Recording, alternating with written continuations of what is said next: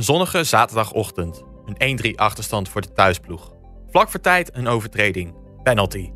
De oude die grensrechter is gaat door het lint, gooit met zijn vlag en scheldt mij verrot. De speler die de overtreding maakte roept Mogol naar mij. Nadat hij een rode kaart heeft gekregen, zie ik hem tussen kluwe spelers doorlopen. Voor ik het weet, geeft hij mij een klap. Als ik van het veld wil lopen, kom ik een boos bestuurslid tegen. Lijn! Scheidsrechter! Hey! Luister! Ik zeg het acht keer! De wedstrijd mag ik niet staken. Na een woordenwisseling zoek ik mijn toevlucht in de kleedkamer, waar alles indaalt. Dit is Teruggefloten. Een podcast over geweld tegen scheidsrechters in het voetbal en wat de sport eraan doet om dit tegen te gaan.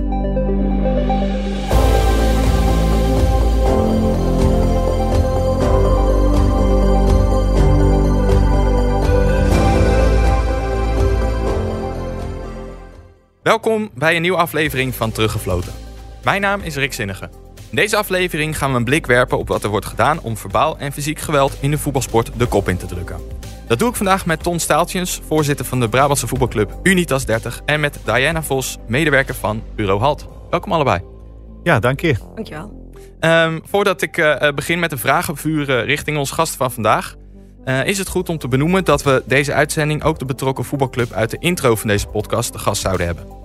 Uh, we hadden een afspraak met hun in de planning staan, maar helaas koos de Goudse Club ervoor om vier uur voor de opname van de aflevering zich terug te trekken van deelname aan deze podcast. Dus uh, dat is jammer. Ja, zeker. Diana, ik wil eigenlijk bij u beginnen. kunt u ons kort vertellen wat voor werk u doet bij Bureau Halt? Jazeker. Um, mijn werk bestaat voornamelijk uit preventiewerk. Dus heel veel voorlichtingen geven op basisscholen, voortgezet onderwijs. Kun je denken aan thema's zoals uh, invloed van de groep, uh, tolerantie en respect, online veiligheid, allerlei thema's die de jeugd aangaan.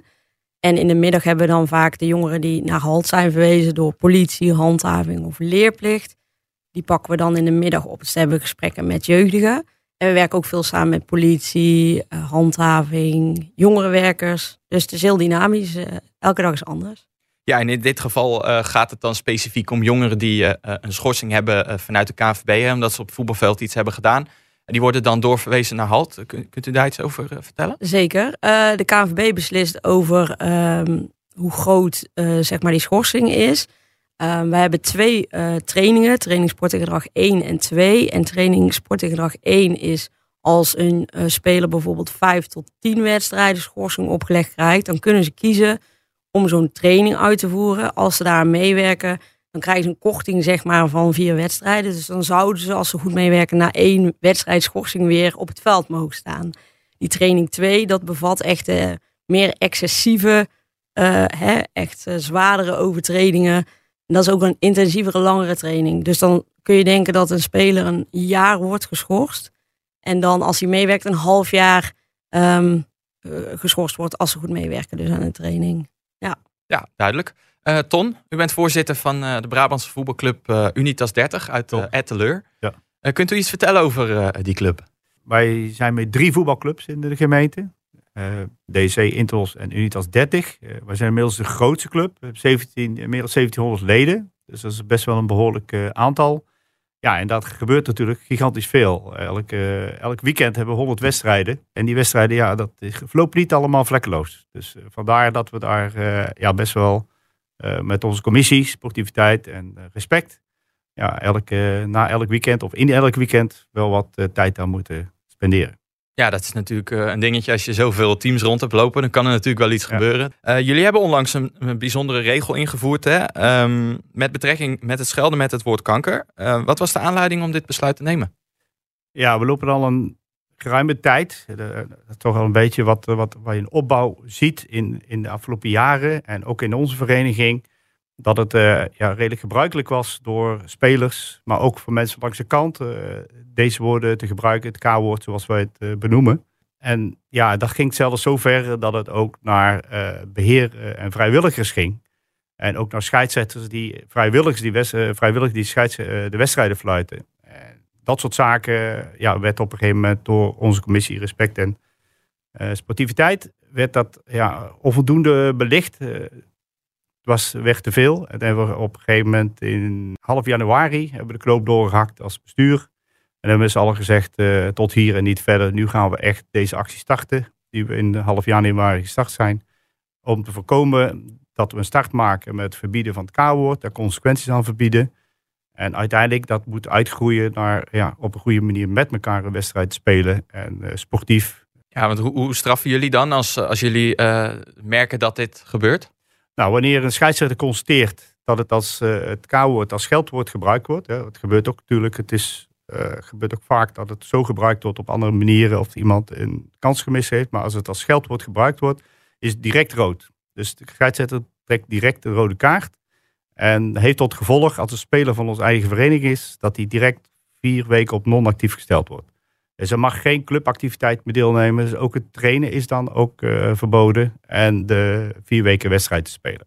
Dus gaat, uh, gaat ook direct in. Daar hebben we iedereen geïnformeerd. En daar hebben we natuurlijk heel veel werk gehad om alle scheidsrechters en alle leden van de club om daar uh, goede afspraken mee te maken, maar ook te informeren. Want het is makkelijk om afspraak te maken. En naleving zien we daar op. Dat wordt dat vaak wat lastiger, omdat er een hoop emotie bij komt kijken. Uh, u benoemde dan dat uh, uh, voordat de regel werd ingevoerd, dat het een beetje, het klinkt misschien een beetje heftig, maar een gebruik werd om het woord te gebruiken. hoe handhaven jullie hier dan nu op? Ja, het is, het is nu eigenlijk, doordat wij als Unitas 30 veel media-aandacht hebben gehad, heeft dat enorm geholpen binnen onze club. We hebben zaterdag in januari hebben we drie uh, tv-ploegen op de sportpark gehad. En dat helpt enorm om de communicatie naar alle leden, maar ook naar andere verenigingen uit uh, te uiten en te informeren erover. En daar zien we wel een resultaat in dat dat, ja, dat helpt wel. Dus je zag ook wel direct dat het woord uh, beide toch niet meer gebruikt werd. En dat heeft ons wel enorm geholpen. Ook onze andere verenigingen binnen Etteleur hebben we geïnformeerd. En daar gaan we ook stappen in zetten om te kijken of we daar op dezelfde manier kunnen, kunnen naleven van deze regel. Ja. Hebben jullie ook echt al uh, straffen uitgedeeld uh, hiervoor? Ja, ja, we hebben vanaf de start half januari tot nu, uh, afgelopen weekend nog één ge gehad, hebben we twee keer bij ons eigen team hebben we deze straf moeten opleggen. En drie keer bij een team dat bij ons op bezoek was. Nou, dan is het de rode kaart, wordt vastgelegd op wedstrijdformulier. En de KNVB past dan, dan ja, de straf toe die daarbij hoort. Dus daar kunnen we dat niet uh, als spelervereniging natuurlijk uh, opleggen dat we iemand vier weken op non-actief zetten. Want dat is eigenlijk aan het bestuur of die vereniging uh, die bij ons op bezoek komt. Toch even benieuwd, hoe, hoe zijn de reacties hierop? Nou, de vereniging die informeren we. Dus voordat de wedstrijd begint, horen we dan heel duidelijk met de scheidsrechter dat, en, en die het ook de bezoekende club informeert. Van ja, wij gebruiken deze, deze maatregelen. Het is direct rood. Het is ook geen regel die zomaar uit de lucht kon vallen. Want de KNVB heeft uh, begin 2000 heeft deze regel al uh, zeg maar uh, uitgezet. Waar we gebruik kunnen maken. dus de tegenstanders zijn geïnformeerd en houden zich daar wel aan. Waar je wel ziet dat je op allerlei manieren tijdens de wedstrijd spelers naar scheidsrechters lopen. Vooral in de eerste paar weken. Van uh, ja, die jongen die daar links achter staat, die heeft het woord gebruikt. Die moet je er nu afsturen. Dus het werd een beetje misbruik uh, gemaakt van de regel om, om het spel te beïnvloeden. En de wedstrijd beïnvloeden op dat moment. Ja, dat, dat is natuurlijk even niet de bedoeling. De scheidsrechter moet het zelf constateren als het een scheldwoord naar hem of naar, naar andere spelers gebruikt wordt. Dus dat is wel het, hetgeen wat, wat er gebeurd is. wat ontwikkeld. Plus dat er een aantal verenigingen ook wel uh, als ze bij ons iets horen, dat er gelijk natuurlijk aangegeven wordt. Maar jullie zijn toch die club die uh, daarmee gestart is. Dus jullie moeten het voorbeeld geven. Maar de aanleiding was natuurlijk dat het bij ons te veel gebeurde. En dat we ja, helemaal beu en uh, klaar mee waren om, om op die manier verder te gaan. Maar er is dus wel sprake van een positieve cultuuromslag nu. Ja, ja klopt. Ja. Ja, we zien daar wel eens positieve reacties. Je merkt wel, uh, we hebben twee spelers uit onze eigen vereniging uh, deze straf inmiddels op moeten leggen in, die, in de afgelopen weken. En zie je wel dat dan de acceptatie, wanneer het dan op een gegeven moment gebeurt, dat het even lastig is qua motivatie. Dan heeft dan wel wat nazorg en uitleg uh, nodig, zowel bij leider als bij de speler zelf. Dat ja. het best wel een zware sanctie is. Diana, wat vindt u van dit initiatief van Unitas? Ja, ik vind het supergoed. Ik hoop, en die vraag had ik zelf eigenlijk ook, zijn andere clubs al met dit wat jullie hebben bedacht, hebben die dat overgenomen? Ja, inderdaad. de Bredaanse voetbalclubs heb ik laatst nog gesproken, de voorzitter van een overkoepelende orgaan in, in Breda. Uh, die hebben natuurlijk uh, veel meer voetbalclubs uh, dan in Etteleur. Die hebben dat besproken en zijn er wel mee bezig. Ook de hockeyclubs zijn er al, al langer jaren mee bezig om, om dit gedrag zeg maar, weg te nemen. En om daar iets sancties op te zetten. Ik merk wel, deze actie die wij gekozen hebben op deze manier, dat het best wel wat verschil is in mensen hoe ze, hoe ze deze ja, strafmaatregelen of, of deze actie of, of sancties zeg maar, organiseren. Uh, Diana, u heeft net kort iets verteld over uw werk bij uh, Bureau Halt. Ja. Uh, en de jongeren die daar dan binnenkomen via een schorsing. Um, wat hebben ze nou echt gedaan op het voetbalveld voordat ze daar terecht moeten komen? Ja, dat zijn dus vaak bijvoorbeeld natrappen, elleboogstoten, spugen, um, kopstoot, beledigen van de scheidsrechter zou kunnen. daar kijkt, maakt de KNVB dus de, gerecht maakt dan wel een onderscheid van wat krijgt die training 1 opgelegd en welke zijn zo zwaar qua overtredingen en gedrag wat ze hebben laten zien dat het een training 2 uh, eh, wordt. Maar dat zijn een beetje de strafcodes uh, qua uh, handelingen waar je aan kan denken. En, en uh, als zo'n uh, jongere dan binnenkomt, want als ik goed heb begrepen, dan gaat het alleen om jongeren tot en met 23 jaar die zo'n cursus kunnen doen, toch? Ja, tot 23 jaar. Dus dat is wel echt een verschil met uh, het strafrecht, waar HALT ook natuurlijk heel erg onbekend staat, tot 18 jaar. En deze trainingen zijn echt tot en met ja, tot 23 jaar. Dus, ja, en hoe, hoe gaan jullie dan te werk in zo'n training? Wat, wat moeten die jongeren doen? Wij hebben meerdere bijeenkomsten. Bij die training 1 zijn het zeg maar twee bijeenkomsten. Mocht er ook een excuusgesprek plaatsvinden. Want dat, ja, we zijn wel afhankelijk dat een scheidsrechter of een tegenspeler bij wie, hè, bij wie dat is gebeurd, dat hij mee wil werken. Maar wij vinden dat een superbelangrijk onderdeel. Dus dan moet wel, als die meewerkt, dan gaan we dat zeker organiseren. Want dan vinden we superbelangrijk dat het hersteld wordt.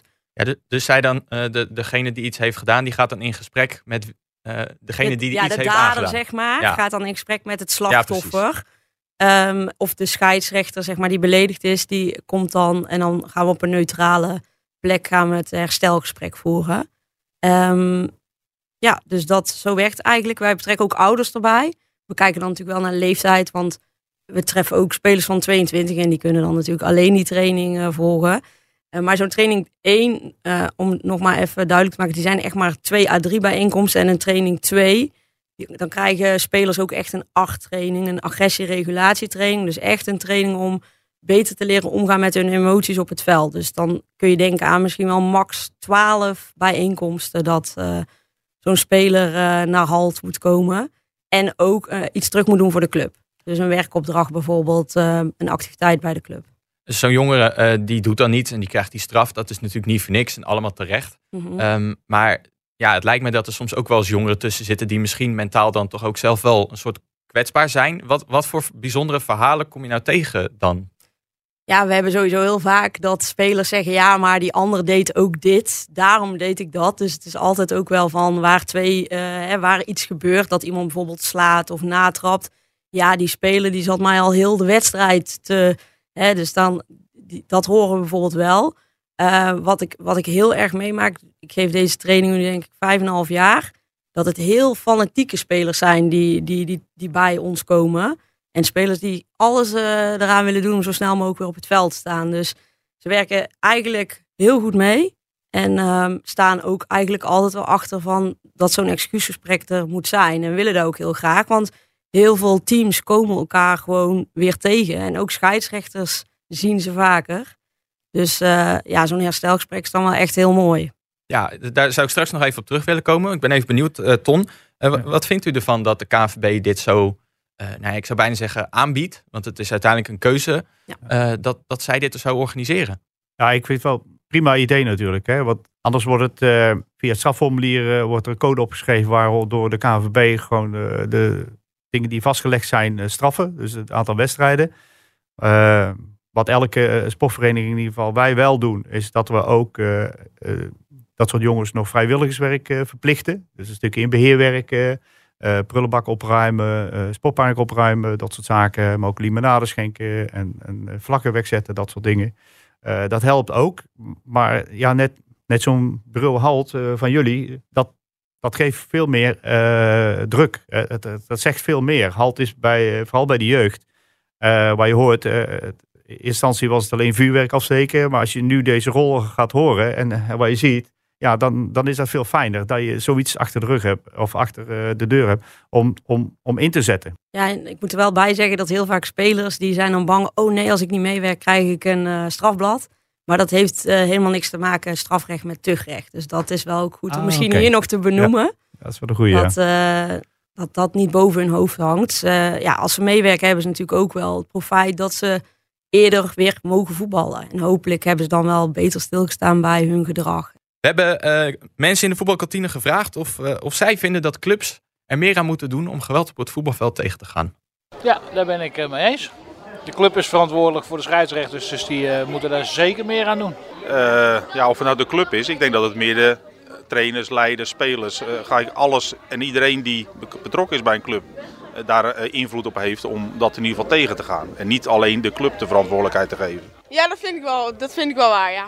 Want uh, de scheidsrechters worden niet uh, goed behandeld. Ja, uh, dat, als dat zou kunnen, zeker graag. Als, als die problemen er zijn, dan is dat zeker belangrijk. Maar ik moet je eerlijk zeggen dat ik hier bij deze club nog nooit zo'n situatie heb meegemaakt. Dat dat echt nodig zou blijken. Hoe zouden ze dat in jouw ogen moeten doen?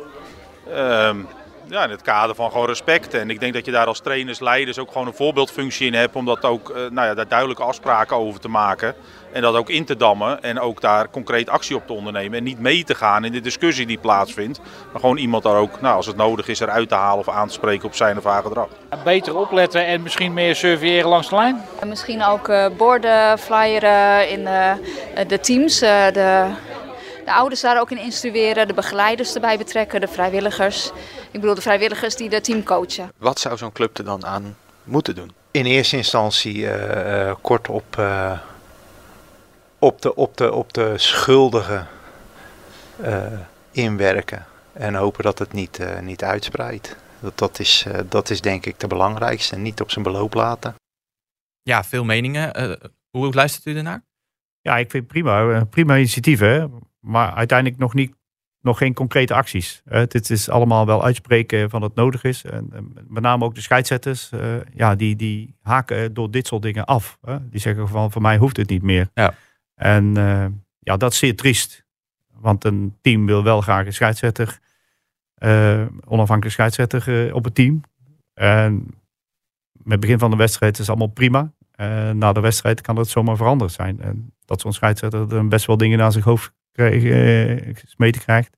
En te horen krijgt eh, waar, waarop hij besluit, eh, die dingen, die situatie maak ik ook mee, om te stoppen. Ja. Ik van, het is prima, maar ik doe het voor mijn plezier.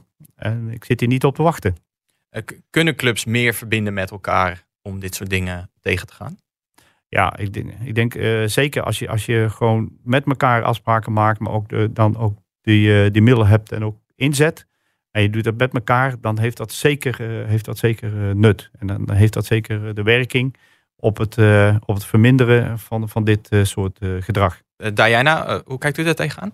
ja, het triggerde maar wel ergens, want wij hebben ook, en dat is misschien ook helemaal niet bekend, maar interventies die we ook aanbieden met Halt en Sport. En dat is bijvoorbeeld een presentatie aan teams over respect, sportiviteit en gedrag. Dus eigenlijk die thema's die u net zei.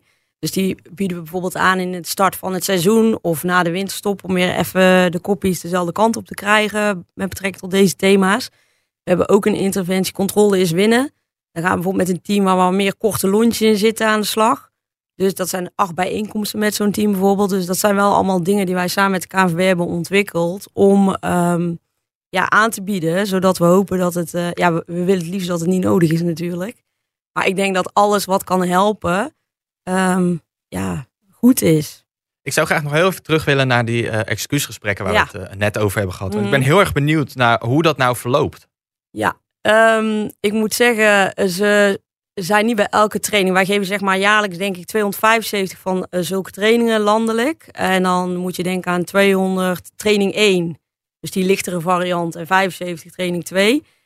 ik kan natuurlijk niet over heel het land zeggen. Maar als ik kijk naar mijn eigen regio, regio Zuid dan is de kans dat uh, de, degene echt meewerkt uh, niet heel groot. En dat vinden wij ontzettend jammer, want wij denken dat daar juist heel veel in te halen is. Maar als uh, ze plaatsvinden, dan zijn het altijd echt hele mooie gesprekken. de ene speler vindt het spannender dan de andere.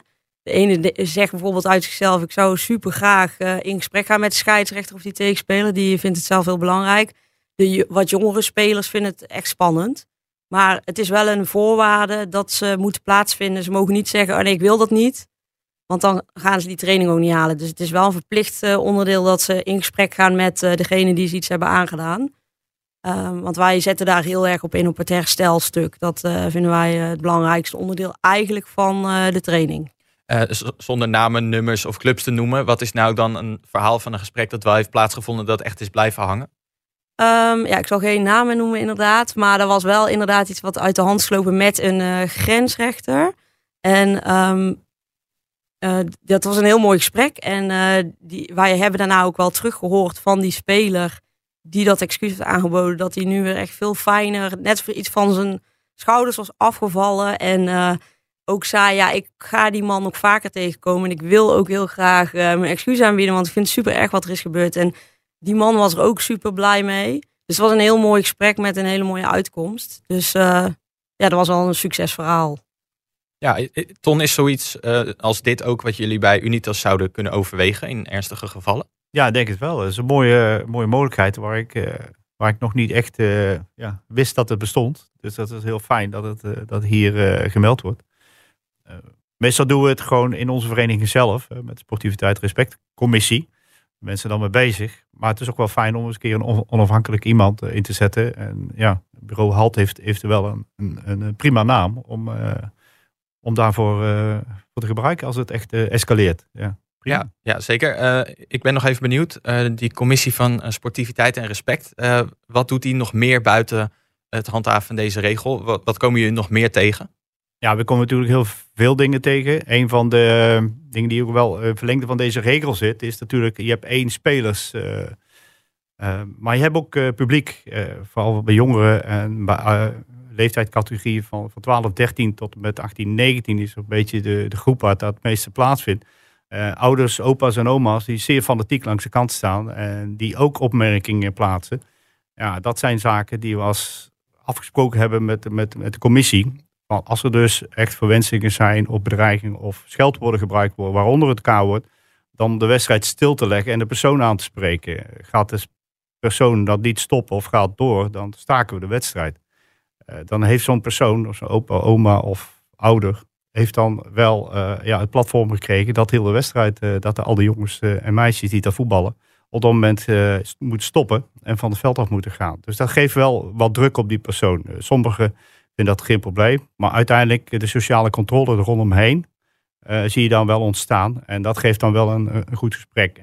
Um, Diana, nog heel even tot slot ook op, op het traject. Hoe komen jongeren daar nou uit? En hoor je daar nog wel eens iets van? Ja, daar horen we zeker wel uh, wat van. Uh, soms krijgen we gewoon nog een reactie. Maar er is een tijdje geleden ook heeft Kennisland, een organisatie, echt een enquête gehouden over hoe die trainingen nou worden, de effectiviteit zeg maar, van die trainingen. En dan kregen we wel terug dat uh, spelers beter ja, leren omgaan met hun boosheid op het veld. Dat ze meer tips en tricks hebben, meer handvaten om daar beter mee om te gaan. Um, ze zijn zich meer bewust van hun gedrag, sowieso. En, en het stukje als dan, als ik nu dit doe, dan is dit de consequentie en dan wil ik echt niet nog een keer. Dus dat is ook wel. En we horen ook wel terug dat de naaste betrokkenen, dus bijvoorbeeld de trainer waar wij ook tijdens zo'n uh, gedrag contact mee hebben, dat die ook wel een verandering zien. En dat is natuurlijk echt niet bij elke speler, maar wel bij veel horen we dit wel uh, terug. Um, en het stukje ook dat ze, dat ze leren een beetje meer afstand te bewaren en niet meteen overal op uh, te reageren. Dus dat hele primaire reageren is er een beetje af. Hoewel dat natuurlijk lastig is op het veld. Want uh, ja, dat hoor ik ook vaak terug. Er gebeurt natuurlijk heel veel in de heat of the moment. En dat stukje dat is best wel lastig. Daar kun je heel veel op trainen. Maar ja, als je daar weer staat. Voetbalsemotie. Precies. Ja, het is een cliché, maar het is wel waar. ja. Helder. Uh, ik wil je heel erg uh, bedanken voor jullie komst vandaag en uh, jullie duidelijke verhaal. Oké, okay, graag gedaan. Ja, graag gedaan. Dit was Teruggefloten. Mijn naam is Rick Zinnige. Ik bedank u voor het luisteren en begroet u graag weer bij een volgende aflevering.